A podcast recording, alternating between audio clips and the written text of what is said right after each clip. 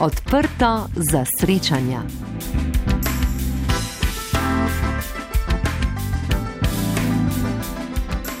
Dober večer vam danes iz glasbenega uredništva voščim Lea Hedžet.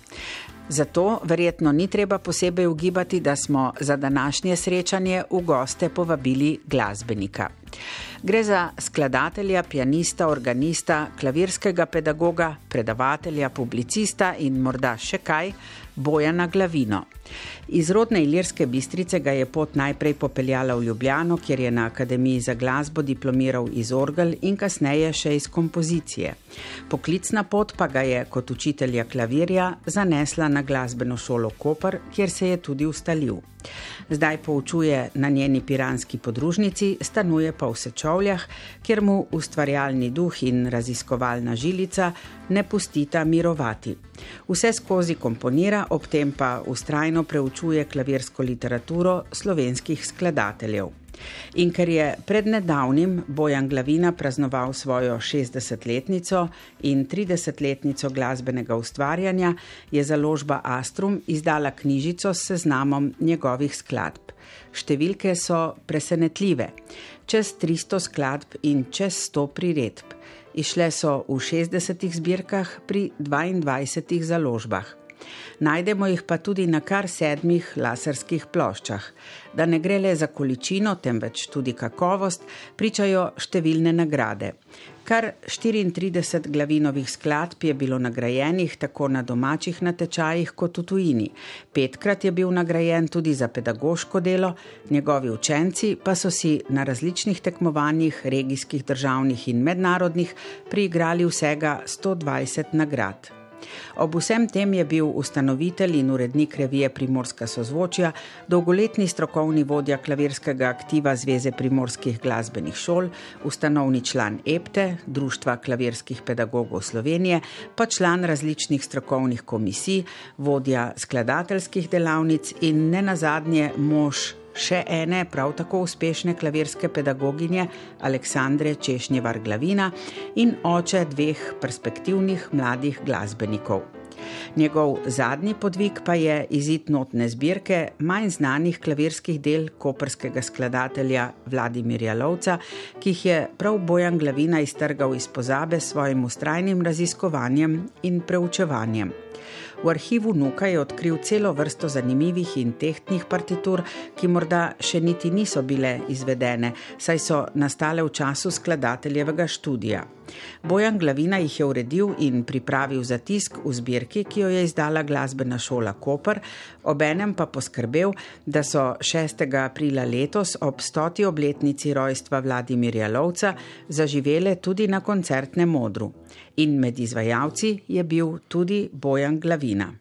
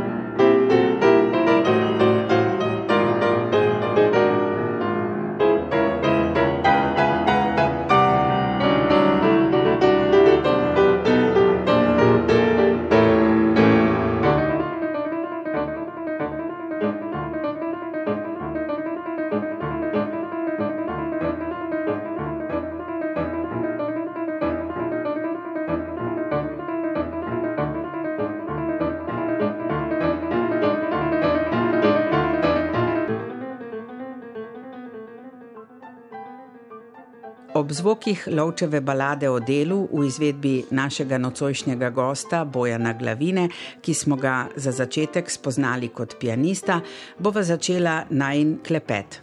Bojan, prav lepo pozdravljen v našem studiu in upam, da ne bo nič narobe, če te tikam, glede na to, da se poznava in sodelujeva že skoraj vseh tvojih 30 ustvarjalnih let. Pozdravljena in, in hvala za povabilo v oddajo. Začenjava pri enem zadnjih glasbenih dogodkov, ki je močno odmeval v Kopru, na obali, pa tudi po Sloveniji. Stota obletnica rojstva skladatelja Vladimirja Lovca, ki menim, da se je prav po tvoji zaslugi vrnil v spomine njegovih nekdanjih učencev in sodelavcev, v zavest koperske kulturne javnosti in predvsem na koncertne odre. Kako se je rodila ta tvoja zamisel?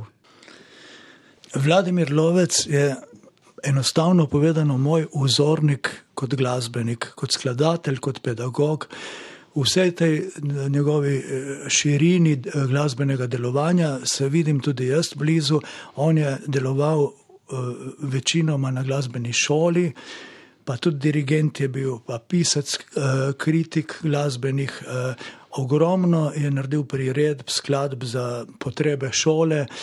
In nekako sem tudi jaz na tej valovni dolžini. Jaz tudi uživam delati z mladimi, z otroki, z mladino, uživam kaj jim napisati, pa ne samo mojim učencem klavirja, ampak tudi kolegice, kolegi v glasbeni šoli, flautistke, klarinetisti, violinisti, z velikim užitkom in vedno z enim izzivom.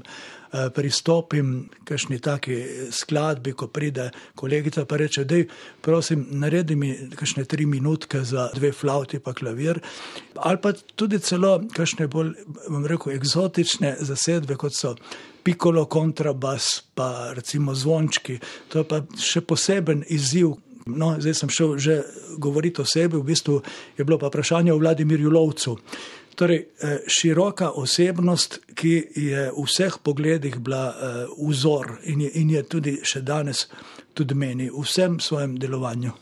Verjetno se je prav iz tega tvojega spoštovanja do Vladimirja Lovca rodila zamisel, da bi nekoliko bolj slovesno obeležili njegovo obletnico.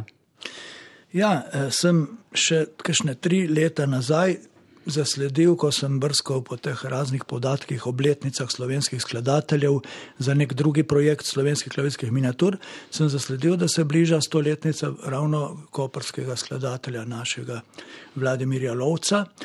Sem tudi opozoril uh, v enem klepetu ob kavi muzikologinjo Heleno Filipčič Gardina, ki je mimo grede tudi bila zadnje leto klavirja, ko je bil še deseti razred klavirja, bila tudi moja učenka. No in Helena je takoj se prijela te ideje. In sva že začela pred tremi leti razmišljati o tem, na kak način bi obeležili eh, to obletnico.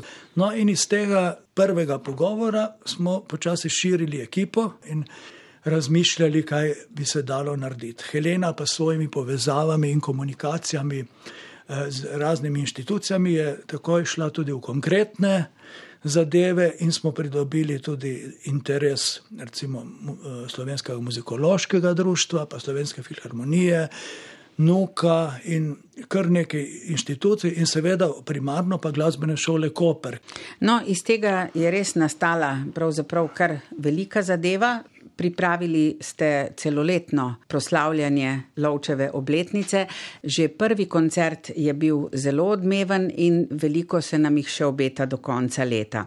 Vladimir Lovec je bil tako kot ti skladatelj in pedagog in tako kot ti je bil upet v delo glasbene šole, ki je bila prav po njegovi zaslugi prepoznavna v širšem prostoru. Učenci te šole so zmagovali na mnogih tekmovanjih prav z njegovimi skladbami in ti si nekako nasledil njegovo vlogo na tej šoli. Kot si že prej omenil, si tudi ti za učence te šole napisal izjemno veliko skladb, danes jih igrajo učenci po vsej Sloveniji in tudi tujini. Številne so bile celo izbrane kot obvezne na državnem tekmovanju Temsik. Kakšna je tvoja skrivnost? Kako napisati dobro skladbo, ki bo dovolj razumljiva in privlačna za otroke, obenem pa dovolj tehtna, da z njo raste tudi umetniška moč? Kako se najpogosteje rojevajo tvoje skladbe? Ha, tako, uh, tukaj ni nekih skrivnosti. Če si, bom rekel, z dušo in srcem v tej uh, dejavnosti, torej v glasbi, v poučevanju mladih, če hočeš res se približati mladim v njihov svet in jim prisluhniti in dobiti to frekvenco skupno, potem tukaj včasih odpade ta vloga učenec ali pa dijak, učitelj.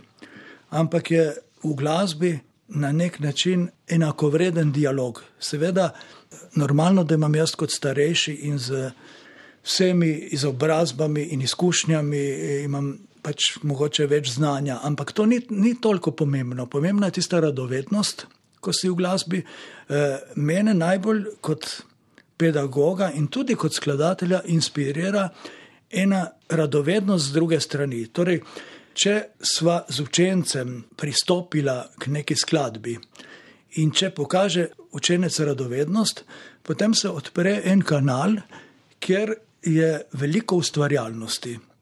Tudi če govorimo o, en, o neki skladbi, kjer, že, kjer so že note natančno napisane, kjer je, gre samo za način izvajanja, ampak že tukaj je ogromen prostor ustvarjalnosti, ker je eh, treba poiskati eno zgodbo te, te skladbe, te glasbe, en izraz.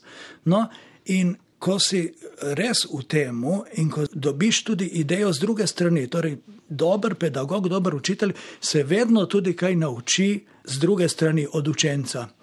Pa, ni pa to en, nikakor enosmeren kanal.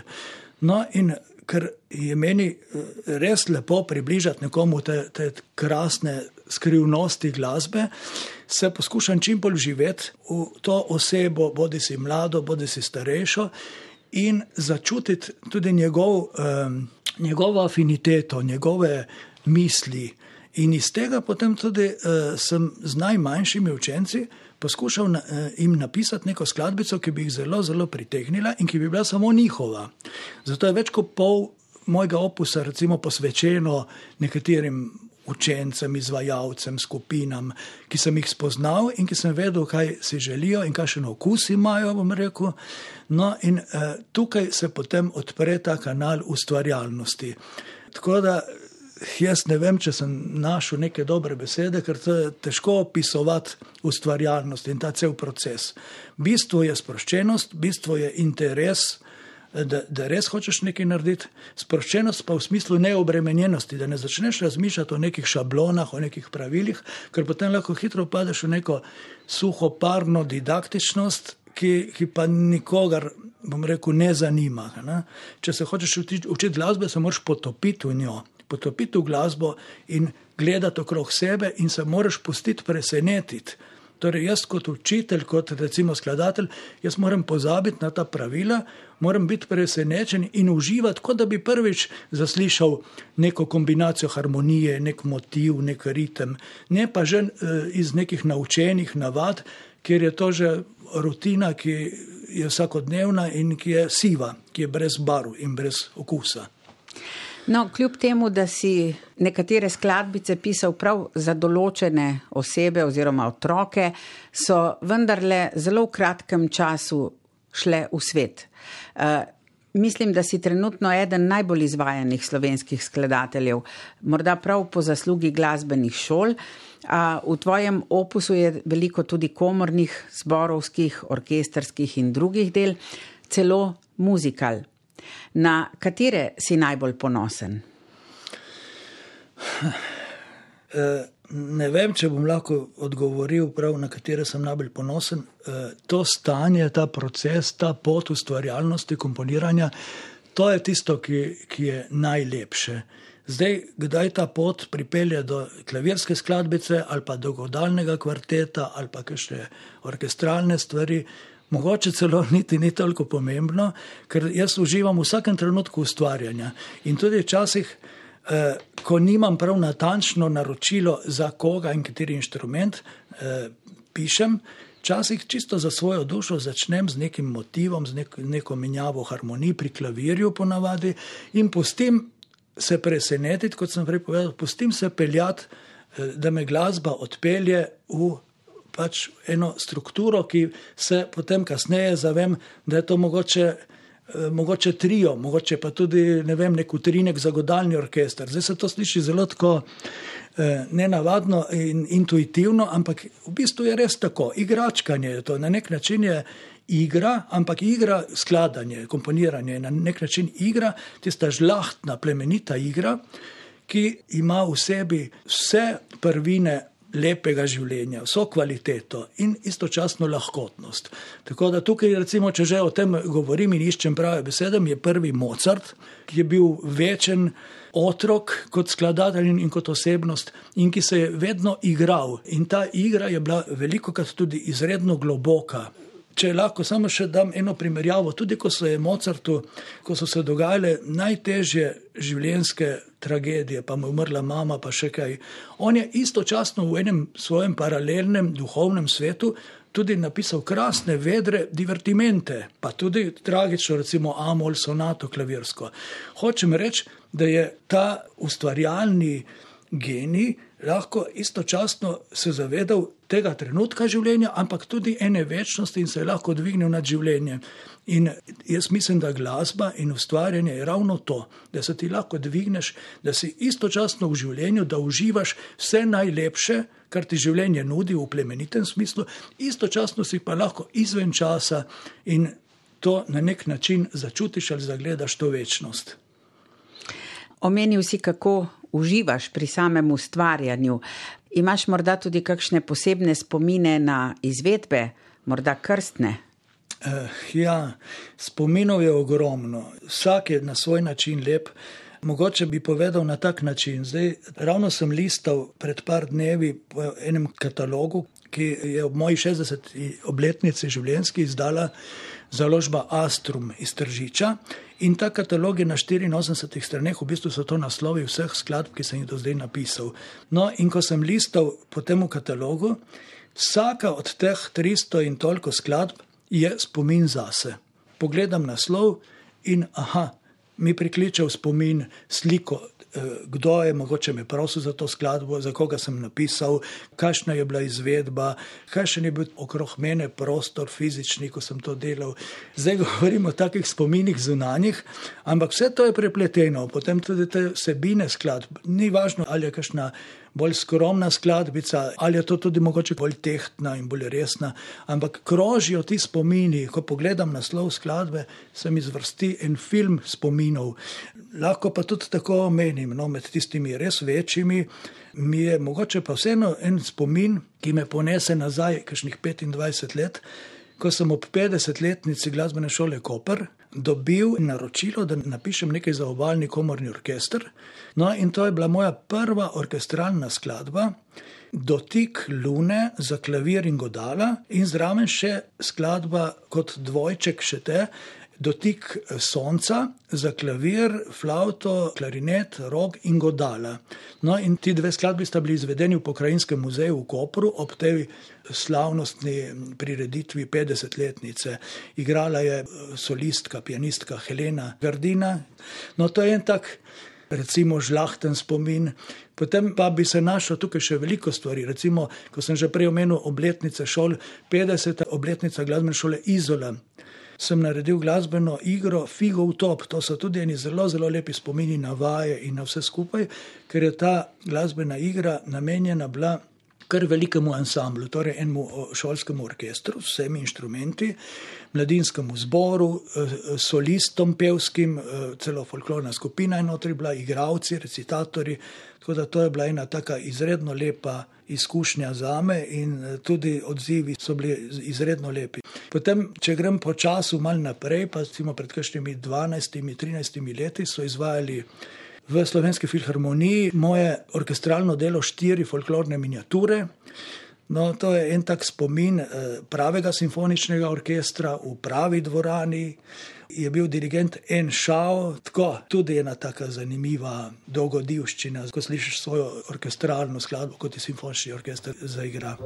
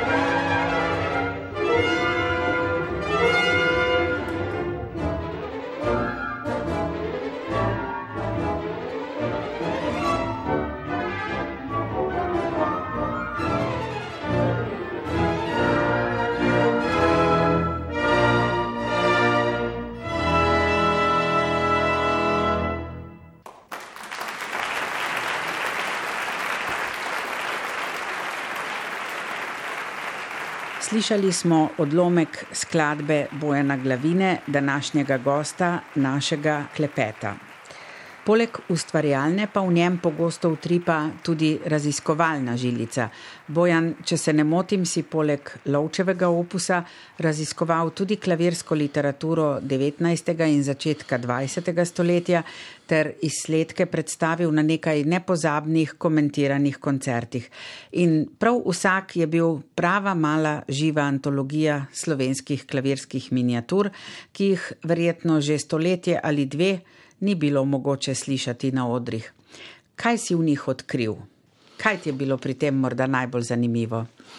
Mogoče najprej povem, kako sem sploh prišel na idejo, da, da zbiram te klavirske miniature slovenskih skladateljev, pa jih pol tudi nekako povežem v en izbor in, in predstavim s komentiranimi recitali. E, ideja je prišla čisto slučajno, kakšne štiri leta nazaj, ko sem dosti krat poslušal radio program Ars. No, in ena simpatična oddaja je vedno ob, ob 12, ko minejo tista 3-4 minutna poročila, pridejo spominčice. Avizo teh spominčic, klavirska glasba, zelo lušna, očrljiva. Nikakor nisem mogel ugotoviti, kdo je uh, skladatelj te glasbe klavirske. No, in sem preko Helene, uh, ki je tudi delala na radiju, Helene Gardina, sem prišel do informacije, da je to Josipina Turnograjska skladateljica, naša slovenska, ki je živela pred več kot 200 leti in je zelo mlada umrla. No, in to so bile njene spominčice, prav skladba spominčice. In seveda sem jaz takoj šel v akcijo in dobil to partituro z nuka v rokopisu in jo preigraval in užival. In ko sem že bil v nuku, sem videl še kar nekaj takih zanimivosti mimo grede. In počasi sem začel zbirati, tako kot kdo zbira kakšne sličice za album, kakšni otroci, sem jaz začel zbirati malo te partiture, vse v rokopisu, zaenkrat še tiste starejše, sem že omenil skoraj 200 let, pa tudi, tudi čez. Ne? In me je začela tudi zanimati zelo hitro prva dokumentirana slovenska klavirska skladba, ki je od Antona Tomaža Linharta, že pre, res 230 ali še kaj več let nazaj. Mimo grede, Linhart je rojen istega leta kot Mozart, 1756, tako je en tak zanimiv podatek. No, in tudi, eh, ko sem prirejal te komentirane recitale, sem povedal, da sem se tudi začudil eh, z veliko stvari, ki sem jih izvedel skozi to zbiranje. Recimo, da je Linhart, ki ga poznamo kot očeta eh, slovenske komedije, gledališča, da je tudi bil skladatelj, da je pisal samo speve, kakšen zborček, pa tudi klavirske skladbe. Tako da njegova polka Mazurka, tako se kliče skladba, je prva dokumentirana slovenska klavirska skladba, ki jo hranijo v Nuku. No, tako, ta, to je bil ta začetek, Josipina Trnograjska, pa Linhart, pa potem se je usulo vseh teh skladateljev od zadnjih 200 in nekaj let do danes. Jih je preko 100, miniatur imam ogromno v, bom rekel, svojem arhivu, v glavnem jih je vsaj 90% jih je rokopisov oziroma kopij rokopisov. Je pa še ena stvar, ki jo lahko na hitro omenim. Jaz sem potem začel te še živeče skladatelje, kolege iz Društva skladateljev slovenskih, spraševati, da bi napisali kakšno miniaturo. In se jih je kar dosti odzvalo. Tako da sem potem prepletal eh, in kot si prej omenila, naredil neke vrste antologijo, sem prepletal 200 in nekaj let stare skladbe z najnovejšimi, ki so pravkar nastale svežimi. No, in potem je, sem gledal, da potem naredim en pester, sveži zbor. In dosti krat me je pa v teh skladbah presenetilo, da tiste tudi starejše, 100-150 let skladbe, imajo še vedno eno svežino misli, svežino harmonij, ki jih čas ni zbrisal. No, to je eno tako raziskovalno delo, ki mi je veliko užitka nudilo. Preko tega pa sem, kot sem že prej povedal, prišel tudi do našega Vladimirja Lovca in njegove stoletnice. No, pa tudi ti si začel ustvarjati, oziroma si kar ustvaril že prej veliko takih miniatur. Ja, jaz sem v glavnem skladatelj miniatur. Eh, ta oblika mi je najbližje, ker lahko najhitreje zaobjamem to glasbeno misel. Eni si mogoče predstavljajo, da miniature, da ni težko pisati, da je glavna stvar kakšna simfonija ali kakšna tehtna 20, 30, 40 minutna skladba, ampak ni tako. V miniaturi imaš omejen čas, omejen okvir. Uh, moraš v najkrajšem možnem času, z najmanjšimi možnimi sredstvi, največ narediti. In tukaj mi pride misel uh, skladatelja Stravinskega, ko je rekel: Bolj, ko me omejijo s časom, s prostorom, z, bolj, ko mi določijo vse parametre, večjo svobodo imam. To se sliši tako malo kontradiktorno, ampak je res. Prava ustvarjalnost je, da z malimi sredstvi narediš veliko, da ni banalno, da je preprosto, pa da je učinkovito in da ima neko tehtnost, ki ne bo samo muha in odnevnica. Poleg not se ti med stvaritve prikradejo kdaj tudi besede. Izšla je celo mala knjižica tvojih, recimo jim haiku poezij z naslovom Žvižgi. Kako so nastajali ti žvižgi? E, žvižgi, torej besede, prej pa smo govorili o zvokih, o glasbenem ustvarjanju, so si zelo blizu. Jaz sem nekje tudi tako povedal in to res čutim, mislim in se zavedam tega, ko ustvarjaš, govorim o nekem umetniškem, kreativnem ustvarjanju, potem je vse povezano. In tudi ravno skozi otroke, ki jih poučujem, to vidim. Tam ni tako strogo ločeno zvok, gib, beseda, risba, barva. Vse na začetku razvoja človekovega, torej ko si še majhen otrok, je to zelo, zelo povezano. Torej, Mene je veliko krat inspirirala kakšna beseda ali pa kakšen stavek, da sem jo prevedel v zvočni glasbeni jezik, recimo v klavir. In obratno, se pravi, neka pasaža, neka menjava harmonij, nek odlomek mi je priklical ne samo barvo. Tu vemo, da lahko se govori tudi o neki sinesteziji, ampak tudi besedo, tudi gib. Jaz se spomnim skladatelja Petra Ebna, ki je enkrat prišel v Cankarjev dom in razlagal, bom, ko je bil kot majhen otrok, je bil sam, ni imel toliko družbe, imel je pa en klavir, ker so starši imeli klavir. In on je fantaziral na tak način, da si je delal pravljice brez besed. In nam je prav pokazal, skladatelj Eben tam, je rekel: Poglejte, predstavljate si tukaj in je naredil kretnjo z rokama, to je ena vaza.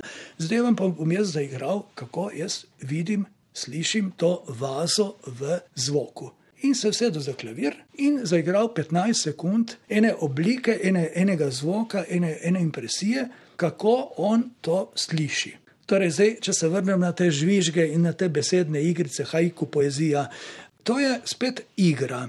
Veliko krat mi je res prišlo pri kakšni klavirski skladbi, pač kako bi lahko se to povedalo, kako bi jo razložil na nek nekonvencionalen, nenavaden način. In na nenavaden način je dobro razlagati, ker nenavadnost, nepričakovanost vedno vsebuje nekaj ustvarjalnosti. Tako tudi pritegneš ne samo otroka, učenca, mladino, ampak tudi starše. Če imajo količkaj radovednosti, pa tako hudomušnosti, potem pride malo za hec, malo za res, pride lahko zelo inspirativne stvari pridejo ven in, in to je vedno tudi. Ustvarjalnost. In jaz sem beležil te, recimo, utrinke, literarne, na neke papirčke, in ko se je v enih petih, šestih letih nabralo, nisem to vrgel proč, se mi je valjalo po predaljih, kot še milijon drugih stvari. In ko sem enkrat naredil to čistko, sem videl, da, da bi lahko iz tega mogoče naredil eno zbirkico čisto zase in čisto brez nekih posebnih namenov, da, da bi zdaj se nekaj uveljavil kot neki literat, ali da bi rekli, ja, je pa zdaj tudi neki pesni in je pesnik.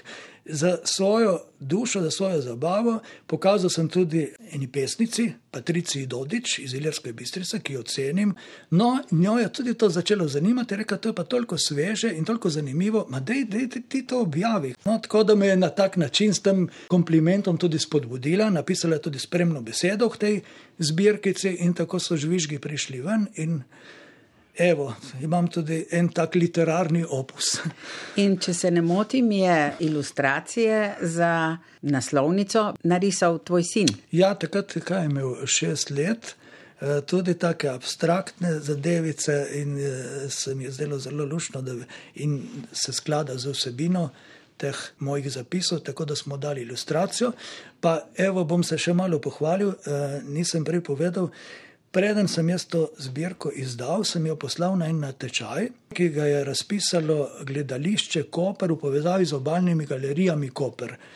No, in ta stvar je celo dobila nagrado, dobil sem abonma. Skratka, evo, še nekdo drugi opazil, da pa notri so mogoče neke zanimive stvari. No, lahko kakšnega prebereva? Ja.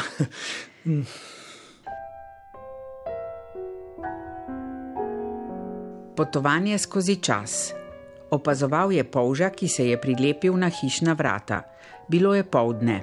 Pomislil je, kako lepo bi bilo potovati skozi čas. Polž se ni premaknil. Razmislek ena. Rezina limone, dovolj za razmislek o smislu življenja. Razmislek dve. Rezina življenja, dovolj za razmislek o smislu limone. Kje so tiste stezice? Mlečna cesta, gozdna pot, vinska cesta, avtocesta bratstva in enotnosti.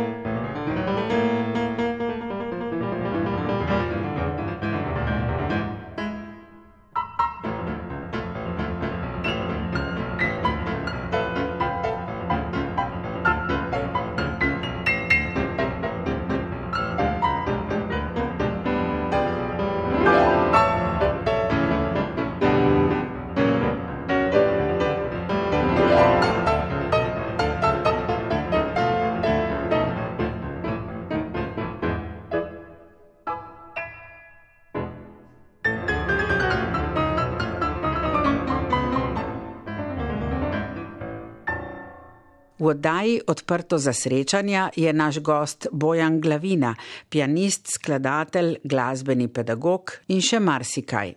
In pravkar smo slišali odlomek iz njegove Astrid Brinove pravlične svite, ki jo je posvetil svojima otrokoma.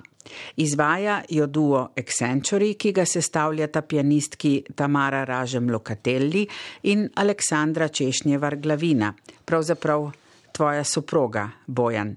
Kaj bi lahko povedal o tej skladbi in morda tudi o sodelovanju s tem duom?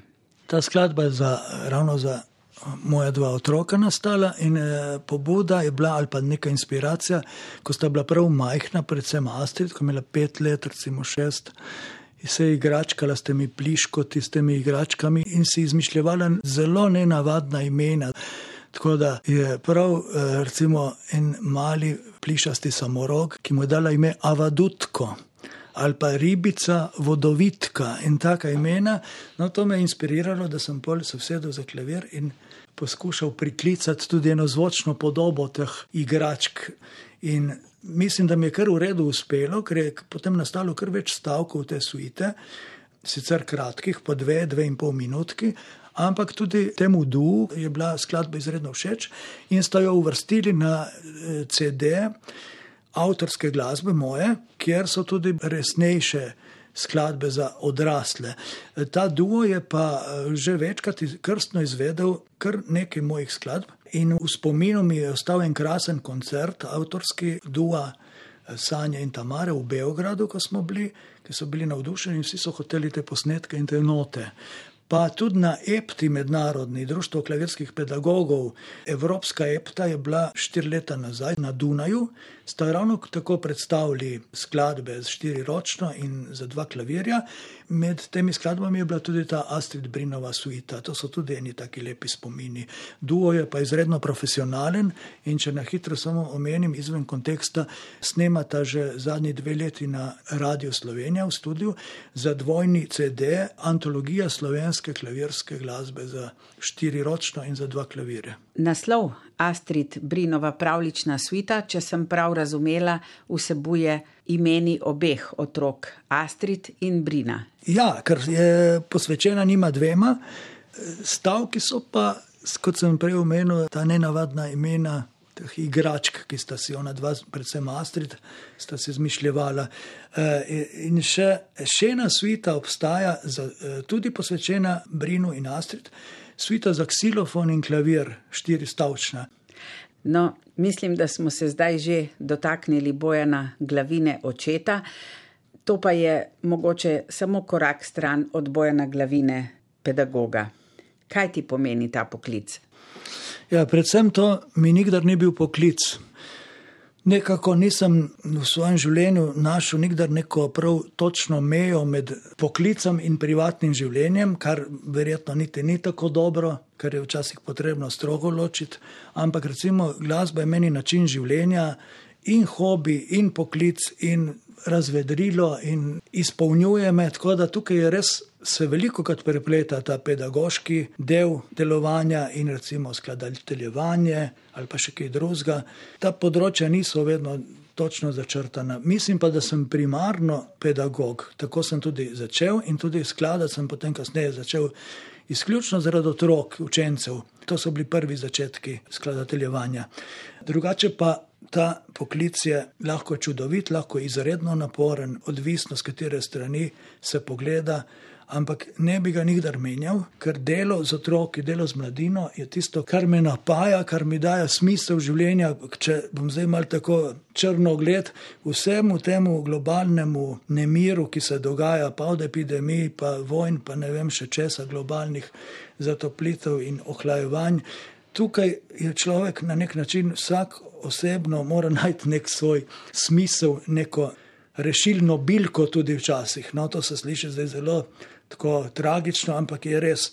In meni velik smisel dajo mladi ljudje, otroci in delo z njimi me vedno napaja. Pa ne samo, kar se tiče eh, glasbenega področja, ampak mi dajo smisel, smisel človeštvu, da vseeno kljub vsem stvarem neverjetnim in grozljivim, ki se dogajajo, da je vseeno neko upanje, ki ostaja na teh naših mladih in, in upajmo, čeprav si ne sam si ne upam zamisliti, kaj bo čez 10-20 let. In z mojima dvema otrokoma in z vsemi ostalimi, to je nerešljivo vprašanje, si ga pa ogromno krat postavljam, pa ne da bi si ga hotel, pride samo.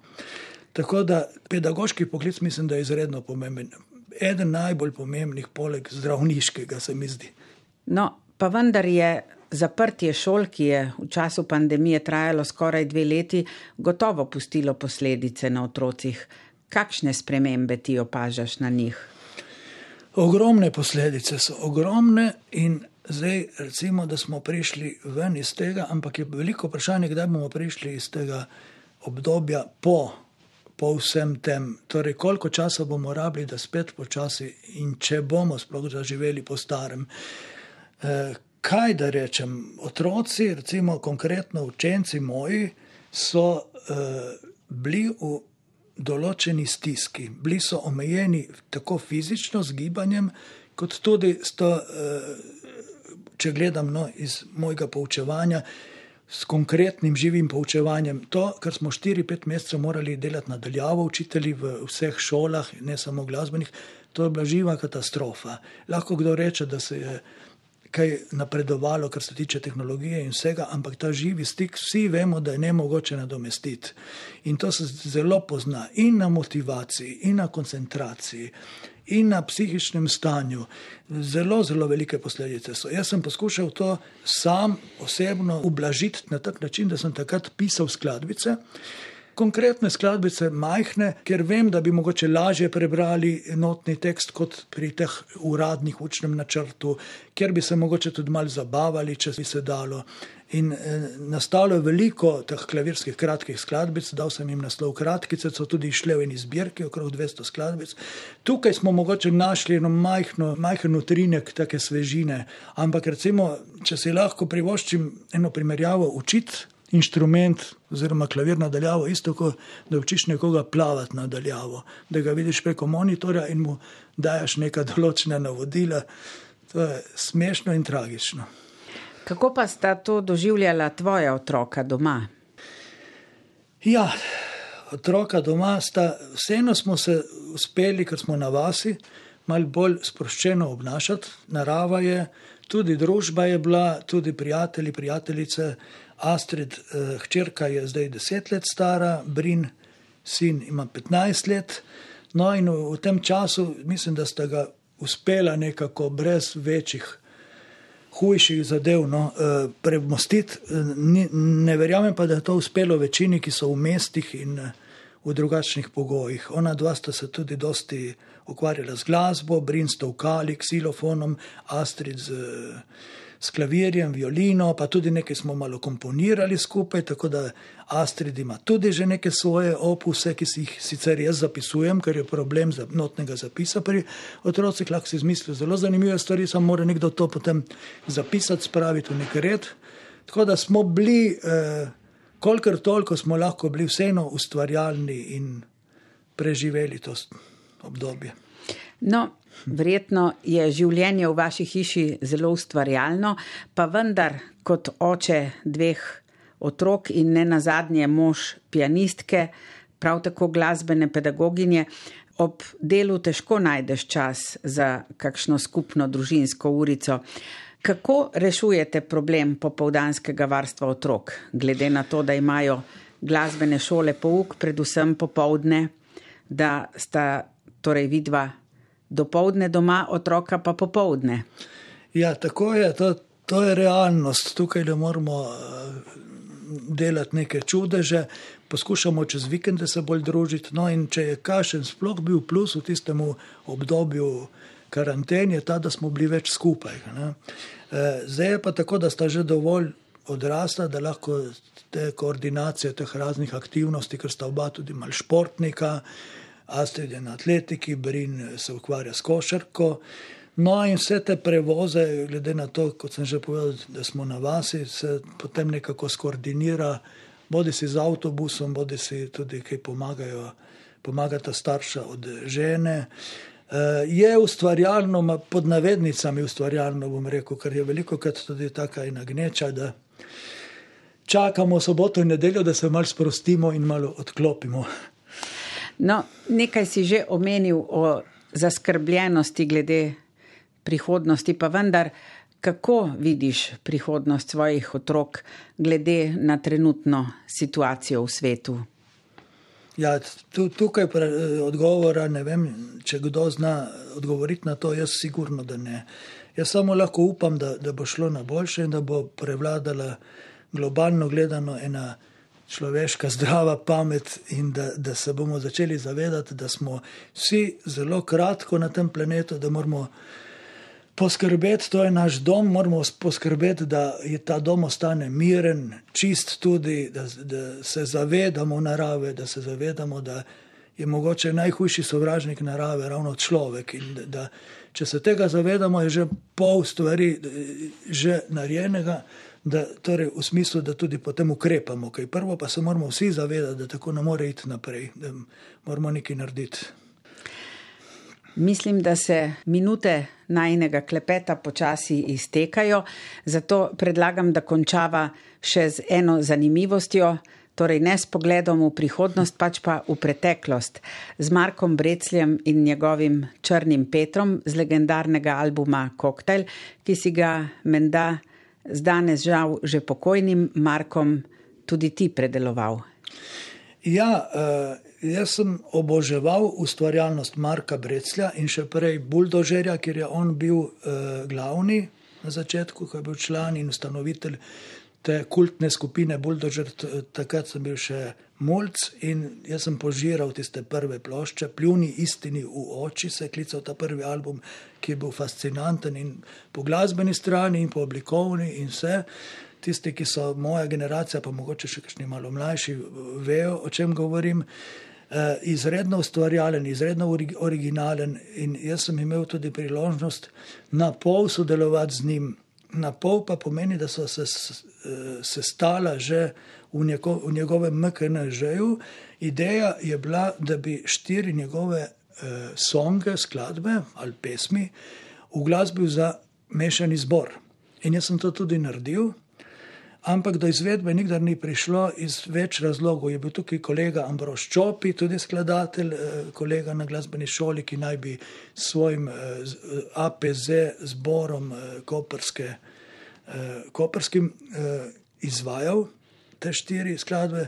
Potem so prišle neke zunanje težave, čisto objektivne narave, eno leto šlo mimo, dve leti, pa so bliže drugi projekti, tudi pri Marku, tu Breclju.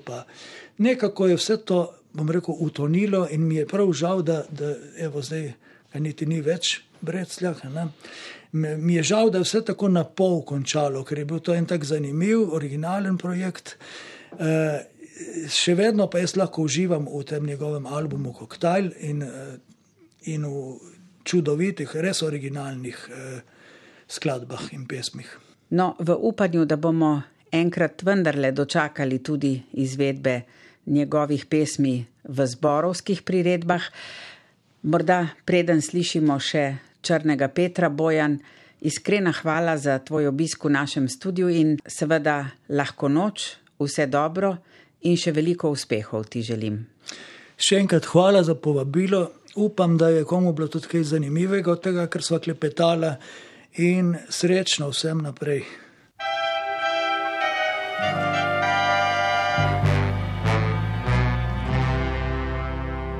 Zunaj je dež in zunaj je veter, nekdo med nami bo črni peter. Zunaj kaplje padajo z listov, tu pa kaplje drsijo sveč. Dvakrat pet prstov, dvakrat pet kar, zgubiš pri kartah, dobiš ljubezni, eni so srečni, drugi pa trezni.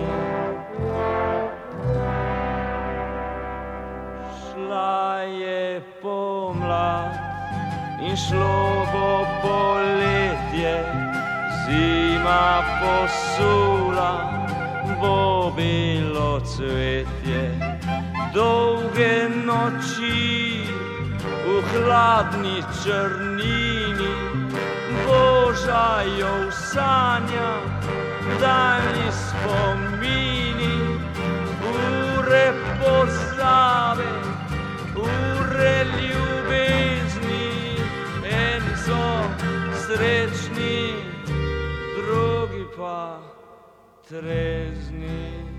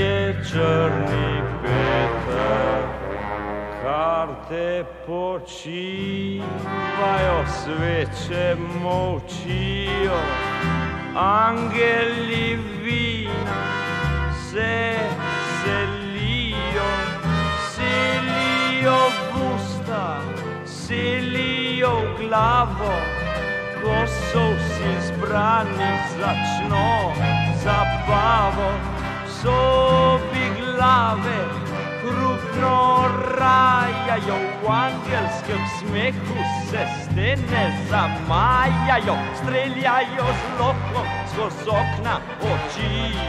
Ena zadene in druga zgreši, angeli vina plešejo kolo, kolo pozabe, kolo ljubezni. Eni so srečni, drugi pa trezni. In potem, in potem. Prsti se s prsti skrivajo v travi, v travi las na njeni beloved.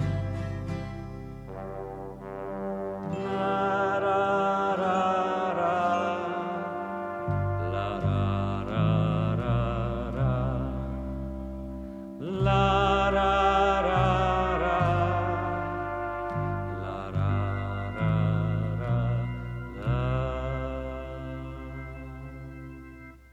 Z Markom Brecljem smo tako sklenili oddajo Odprto za srečanja, v kateri smo gostili primorskega pianista, skladatelja in glasbenega pedagoga Bojana Glavino. Z njim sem se pogovarjala Lea Hedžet.